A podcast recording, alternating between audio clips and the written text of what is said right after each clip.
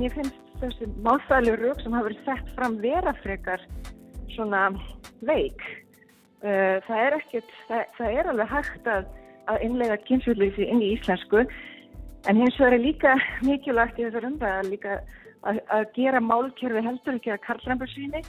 Uh, það heifst að íslenska sér mjög karlkynni, ég meina hún er í raun og verið ekkert sérstaklega karlkynni og það er náttúrulega ekkert þessi minnstur í kynjakjörun okkar ráðast ekkert að miklu leiti af maður af lífstæðilegu kynni til dæmis vegna þess að það er bara svo svo mörg orð sem lúta af lífræðileg kyni. Þannig að til dæmis ég fundi í mínur ansóknum að börn þau nota aðla svona endingar til þess að tilengja sér sem minnstur. Þannig að þetta er svona, þetta er flókin umræða því að hinnbóinn það er það rétt að það kannski bara, tungumáni er bara afleðing af einhverjum uh, er bara afleðing af því hvernig við hefum notaði gegnum tíðun á, og það myndast ákveðnar hefðir og fólk er ekkert alltaf sátt við að breyta þessum hefðum en það verður samt að horfast ég við það að, hérna, að, að það getur verið nöðsynlegt eftir því sem gildi okkar í samfélaginu breytast.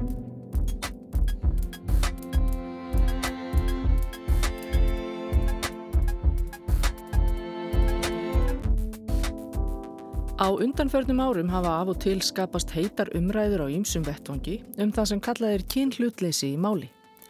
Þær umræður hafa ekki alltaf verið byggðar á sterkum rökum og lenda oftast ofan í sömu hjólförunum þannig að þær þokast lítið fram á við.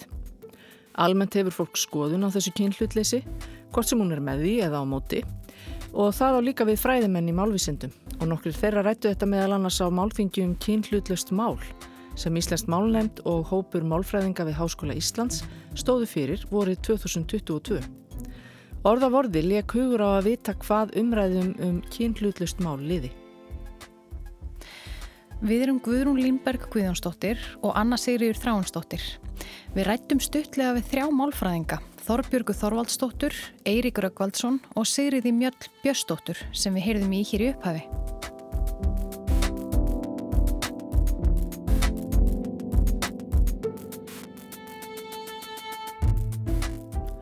Þorbjörg Þorvaldstóttir er málfræðingur, bæjarfulltrúi í Garðabæ og grunnskólakennari.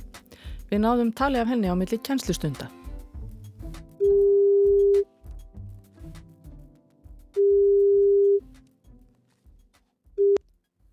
Þorbjörg?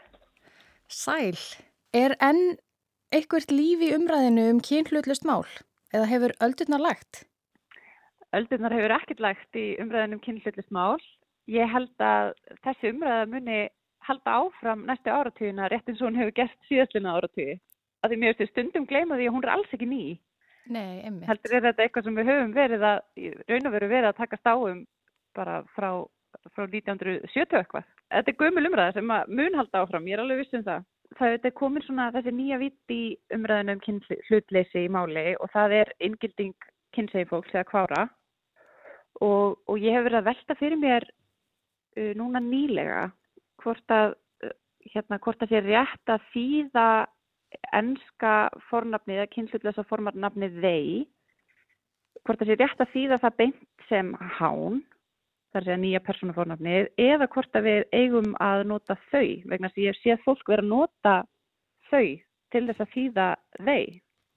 Ég tók nú bara eftir einu sem að tengja þessu kannski bara pínlítið óbeint en sínir kannski að einhver leiti hvað hvað kyn getur verið fljótandi en það er ég tók eftir því hérna í vinnunni hjá mér ég, nú kenn ég á grunnskólstegi og hér voru úlingstrengir að, að tala um hóp stelpna og þeir notiðu hvorkinn fleirtölu ítrekka til þess að vísa til þeirra. Þannig að það er svona, hérna, kannski tengist ekki beinlinis neinum hugmyndum um málstýringu en, en þetta er samt hérna mjög áhugaverður vingill og eitthvað sem að væri mjög gaman að, að skoða nánar. Þetta er svo sem hérna, hlutur sem ég hef verið að spá, spá töljast í eða gerði á meðan í stundagi mínar rannsóknis. En það var bara svo áhugavert að, fá svona skýrstæmi þar sem að, þar sem að vísa var til hópskvenna eða stúrna með, með kvorukinni flertölu sem að venjulega hefur verið notað til þess að tákna blandaðan hóp. Ég veit ekki hversu gamalt þetta er.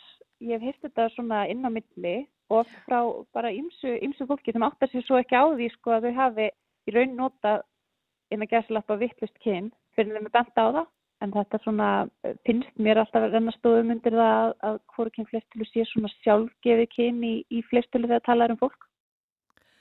Unglingsdrengirnir vísuðu til stúlnana með fornafninu þau og það gæti bent til þess að Karlkinn sé ekki lengur sjálfgefið þegar vísað er til fólks. Málkend yngri kynnslóða gæti verið önnur en þeirra sem eldri eru. Eldri kynnslóðir hafað einhverju leiti vanist því eða lært að Karlkinn sé hefði hlutlösa kyn sem vísar til alls fólks, óháð kyni, til hópa fólks af mismunandi kynjum og til fólks almennt þegar kyn þess er ekki þekkt. Vera má að unga fólki tengi málfræðilegt karlkinn síður við hlutleysi og noti því fremur korukinn með þeim hætti sem eldra fólk notar karlkinn. Getur hugsast að þessi tilneying stafi ekki af málstýringu, svo sem þeirri feminísku stýringu sem kyn hlutlöst mál er oft skýrt með. Getur verið að hún stafi einmitt af skorti á málstýringu í hina áttina. Það er að segja að foreldrar, skóli og samfélag hafi látið af þeirri stýringu sem er fólkin í því að kenna börnum að karlkinn sé hlutlust kyni í íslensku. Og getur þá verið að þessi tilneying sé sjálfsbrottin meðal yngstu íslensku mælandi kynnslóða. Svo má líka velta fyrir sér hvort þessi breyting sem Þorbjörg hefur tekið eftir hjá unglingum þegar kynið er þekkt að nota þau í stað þeir þegar talað er um strákaengöngu eða þær þegar talað er um stúlkurengöngu er fyrir áhrifur ennsku þar sem þriðju personu fornafni flertölu er aðeins eitt, þeir. Þessum vangaveltum verður ekki svara núna en kannski leitum við álít sérfræðinga á þeim síðar. Við heyrðum líka í Eiríki Rökkvaldsinni. Hann þarf nú vart að kynna en hann hefur kallað sig uppgjafa profesor í íslenskri málfræði og málfarslegan aðgerða sinna. Er eitthvað nýtt að frétta af svona kynhlutleysis málum? Það er svona okkar tilfinninga að umræðan hafa aðeins kólnað að fólki sé ekki eins heitt í hamsi og við verðum ekki eins varar við þetta Ég skal svo sem ekki segja, ég er nú alltaf að svo sem sjá einhverja umræðu og, og það, er nú, það er nú alltaf til dæmis hérna pislar í morgumblæðinu öðru hverju og, og, og svona þannig að ég, ég veit það ekki en uh, þetta blossar upp öðru hverju og svo blossaði upp kringum áramotinn sambandið fiskaran Já, einmitt, hérna, það var nú hérna- hitt í því, aldrei hitt í því.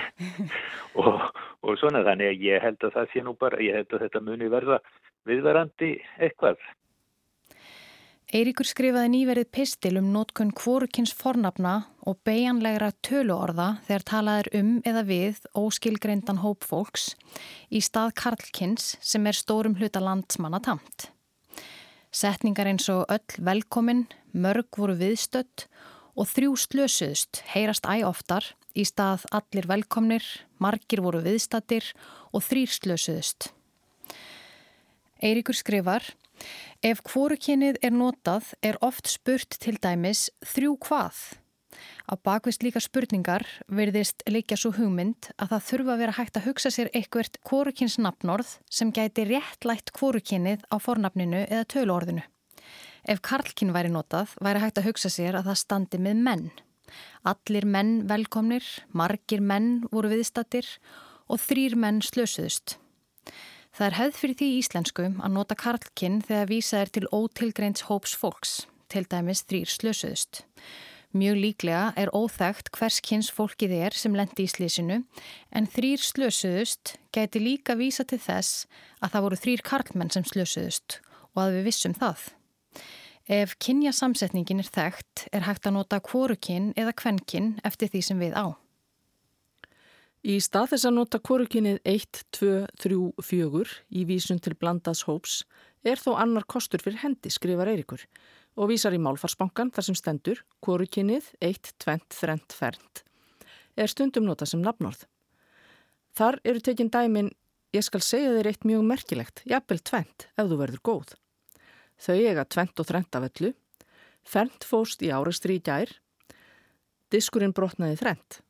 Eirikur segir að þarna sé ekki nöðsynlegt og oft ekki hægt að hugsa sér neitt kvorukins nafnorð sem töluorðið eða lýsingarorðið eigi við. Það þýð ekki að spyrja þrent hvað. Ef við notum venjuleg töluorð sem sagt þrjá, þrjár eða þrjú en ekki þrent, verða nafnorð að fylgja. Það gangi ekki að segja diskurinn brotnaði í þrjá og hugsa sér að orðið hluti eða partur sé undanskilið. Eiríkur skrifar að það sé ljóst að mörgum finnist eðlilegra að nota myndirnar tvent, þrent og fernt en venjulegar kvorukinsmyndir töluorða 2, 3, 4 miða við aðtögun á dæmum á tímaritt.is. Í mörgum dæmum um tvent, þrent, fernt komi beinilins fram að um kynjablandaðan hóp sé að ræða. Get ég sem sagt ekki sagt að þrent hafi verið í bíl sem fór út af ef það er vitað að í honum voru þrjár konur? Já, það er spurning. Það er, eh, fólk verðist hafa misjafna skoðanir á því. Sko, ég var, ég var aðeins að aðtúa þetta og, og hérna, það er alveg ljóst að, að í, í fréttum, eh, ég var að leita þess á tímar.is, að það er sko frekar sjaldan sagt tvö voru í bílum, þrjú voru í bílum eitthvað svoleiðis, en mjög algengt að sé sagt uh, tvent var í bílum, þrent var í bílum og svo framvegist ég skoðaði það ekki í öllum tilveikum hvort að það hefði, hvort að það kæmist fram í fréttonum að þetta þrent væri uh, að fleiri en einu kyni. En hérna það er alltaf vel júst að, að mjög mörgum finnst einhvern veginn að það sé ég kannu segja sem sagt hvoru kynið það gefi skipt til kynna að hópurinn sé blandaður en, en sem sagt hvorekynni 2, 3, 4 en, en þessi orð 20 og 5 það einhvern veginn svona, er miklu óræðara í, í því sambandi. Það hérna einhvern veginn verist fólki finnast finnast eðlilega að not, nota það. Ég veit ekki alveg að hverju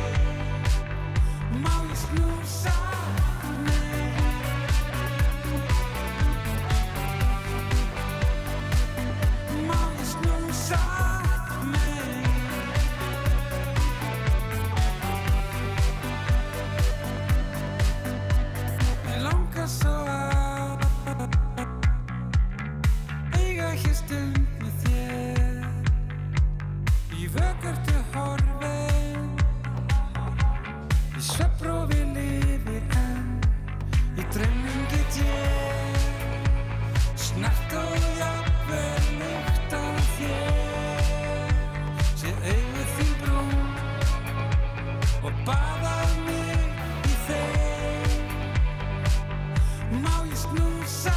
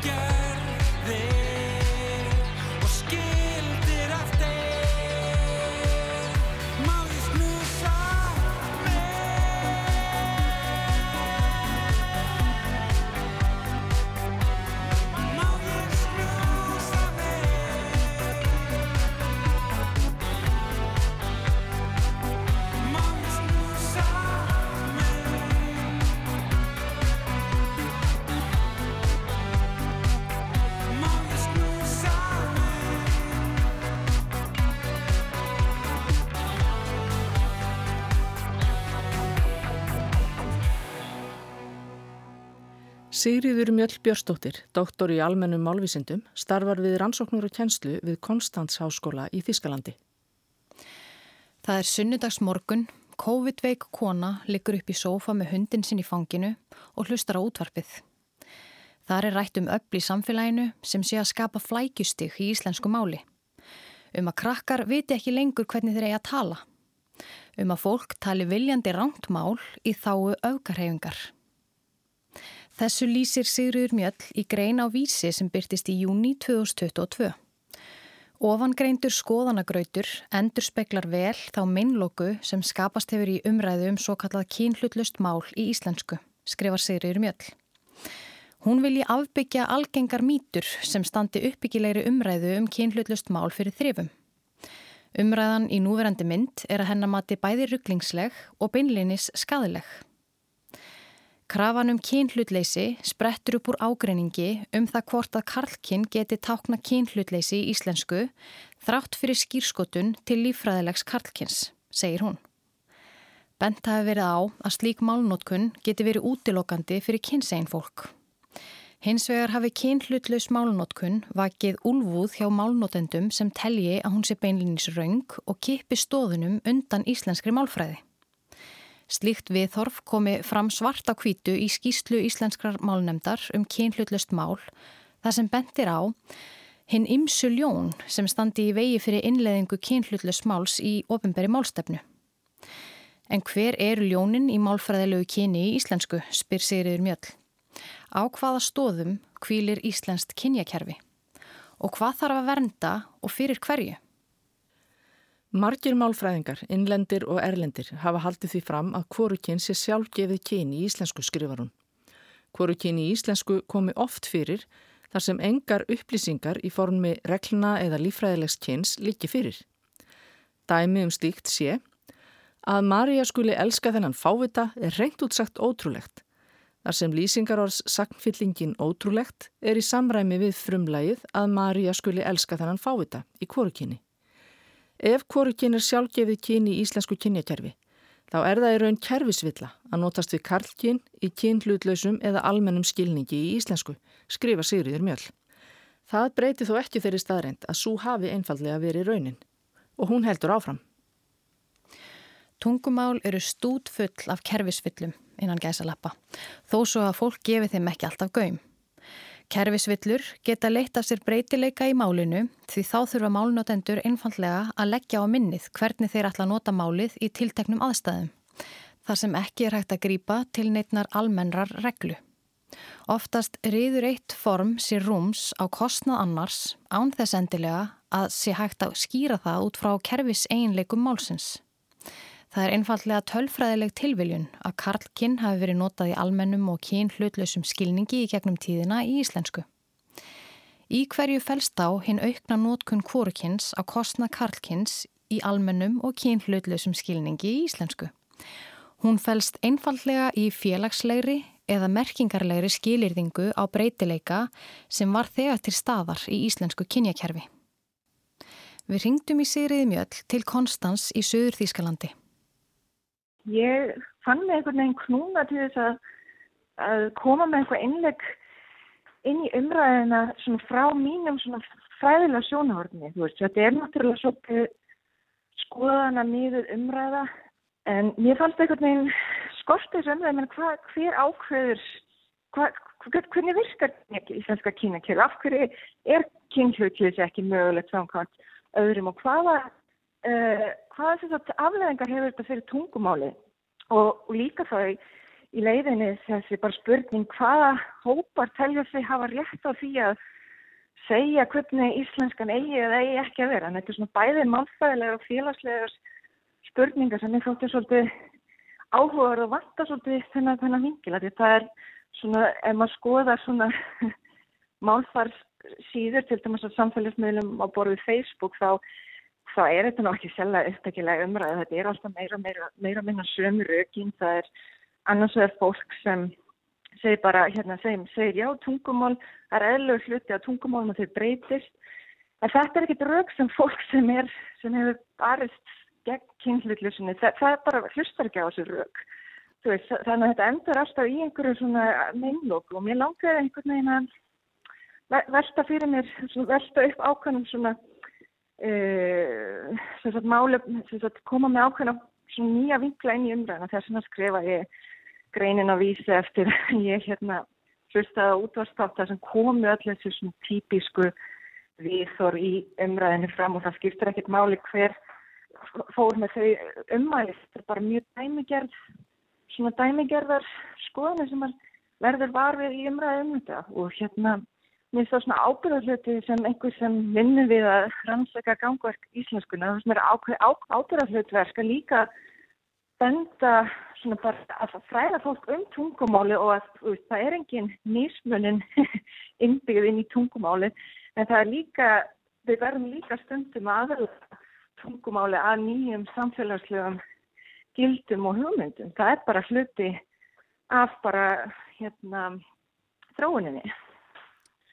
Þetta er umræðin sem eiga sér stað út um allan heim. Nú, ég til dæmis, allavega á Vesturlöndum, um, og einhverjum öðrum hlutum, ekki kannski öllum heimsvortnum, en, en hérna, ég til dæmis verður við þetta, ég, ég starfa við e, háskóla, Þískan háskóla og þar hafa verið mjög heitar deilur um það hvort að háskólinn eigi að breyta skiltum og aðla málfar til þess að hérna í, í átt að kynflutleysu og það eru það, það hefur verið mjög umdilt og me, me, meira sér prósori í málfræði sem hafa bara hérna lagt sér mjög gegn þessu og segja bara svona er ekki tíska og þannig að þetta er, þetta er ekki bundið við íslenskan veruleika en þetta er mjög, mjög svipuð rauk sem eru koma fram í þessari umræðu og það verður því mér að segja að umræðan er sjálfnast mjög uppbyggileg. Getur kyn hlutlaus málnótkun leitt til þess að börn viti ekki hvernig þau eiga að tala, spyr Sigriður Mjöll í greininni á vísi. Íslensk málfræði er endurskrifið á hverjum degi, skrifur hún, þegar ung börn byrja að nema minnstur í málhljóðunum sem þau heyra í kringum sig. Á grundvelli þeirra minnstra byggja þau upp kerfi sem þau nota til þess að alhæfa umfram reynslu. Í uppvexti sínum heyra börn takmarkaðan fjölda orða og setninga. Kerfið gerir þeim hins vegar mögulegt að mynda óendanlega margar setningar og búa til nýjorð upp á eigin spýtur. Hún hafi rannsakað hvernig þessi einleiki mannshugans hafi þróast hjá íslenskum börnum á síðustu árum og orði vitni að ótrúleiri getu barna til þess að læra reglur samhliða undantekningunum í málinu, þar á meðal kynjakerfinu. Það er því ekki þörf á snemtækri íhlutun frá miðfloknum til þess að börn viti hvernig þau að tala, skrifar hún. Nærtækara væri að fræða börn um mikilvægi þess að tala við fólk af virðingu og þá staðreind að það geti þýtt ólíka hluti fyrir ólíka einstaklinga. Málnótkun okkar afhjúpar allskynns félagslegar skilirðingar og fordóma.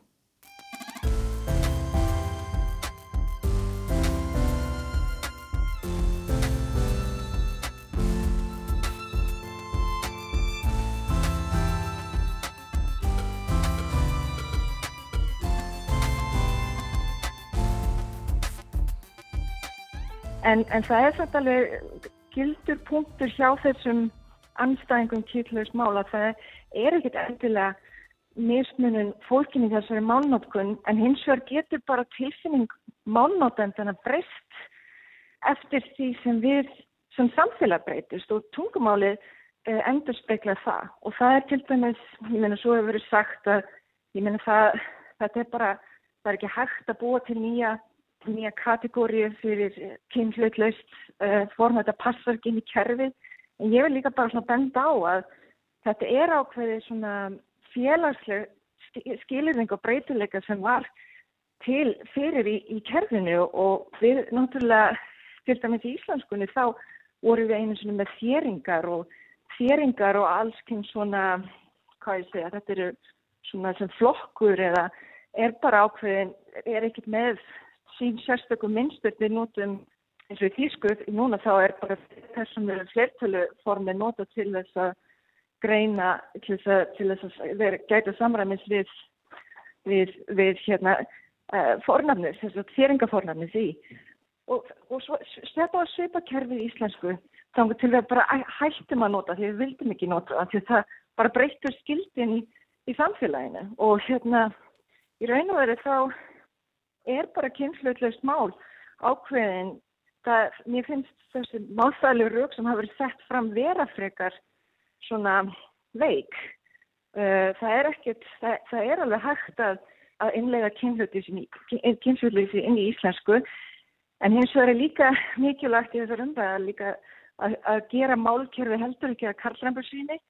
Uh, það heifst að íslenska sér mjög karlkynni, ég meina hún er í raun og verið ekkert sérstaklega karlkynni og það er náttúrulega ekkert þessi minnstur í kynjakjörun okkar ráðast ekkert að miklu leiti að maður af lífstæðilegu kynni til dæmis vegna þess að það er bara svo svo mörg orð sem lúta af lífstæðilegu kynni þannig að til dæmis ég fundi í mínur ansóknum að börn þau nota aðlega svona endingar til þess að tilengja sér þessi minnstur þannig að þetta er svona, þetta er flókin umræða því að á himbóin það er það rétt að það kannski bara tungumáni er bara afleðing af einhverjum uh, er bara afleðing af því hvernig við hefum notaði gegnum tíðun á og það myndast ákveðnar hefðir og fólk er ekkert alltaf sátt við að breyta þessum hefðum en það verður samt að horfa stegu við það að, hérna, að, að það getur verið nöðsynlegt eftir því sem gildi okkar í samfélaginu breytast og það er ekki og það er líka svona svolítið yfirlætislegt og að hérna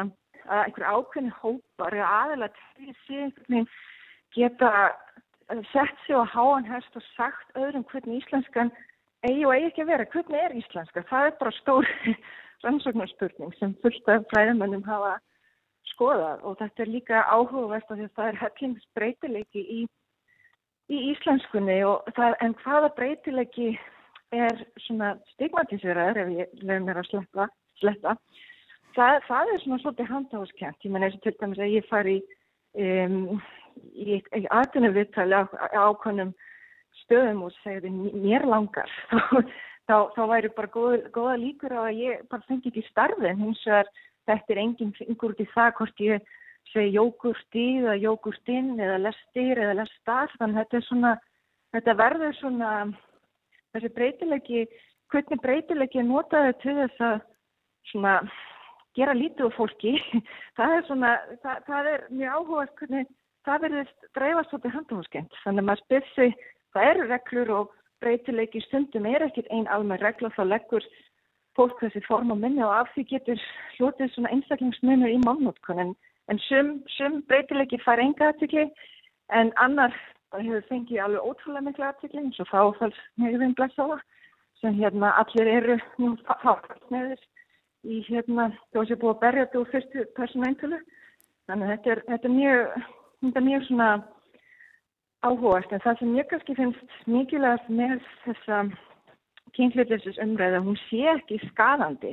Þannig að þetta er bara, það, það er bara mikilvægast náttúrulega í öllu burt sér frá málfræðinu og einhverjum uh, tjónum það, þá bara mikilvægast að það sé komið fram og fólk af virðing og þessi umræða sé virðingarík og líka fari og sérstaklega til þess að venda þessa hópa sem eigandir höggja sækja og við sem samfélag eigum að gera meira til þess að stöðja við að mínum mati.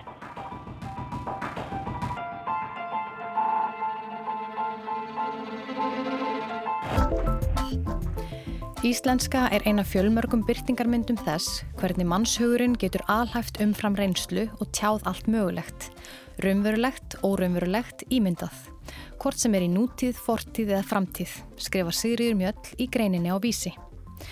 Hún fagni kyn hlutlausri málnótkun sem endur spekli að hægt er að nota verkfæri tungumálsins til að tjá sífælt nýja og fjölbreytilega reynslu. Í því felist töfrar sköpunarmáttar mannlegs máls í hnótskurð.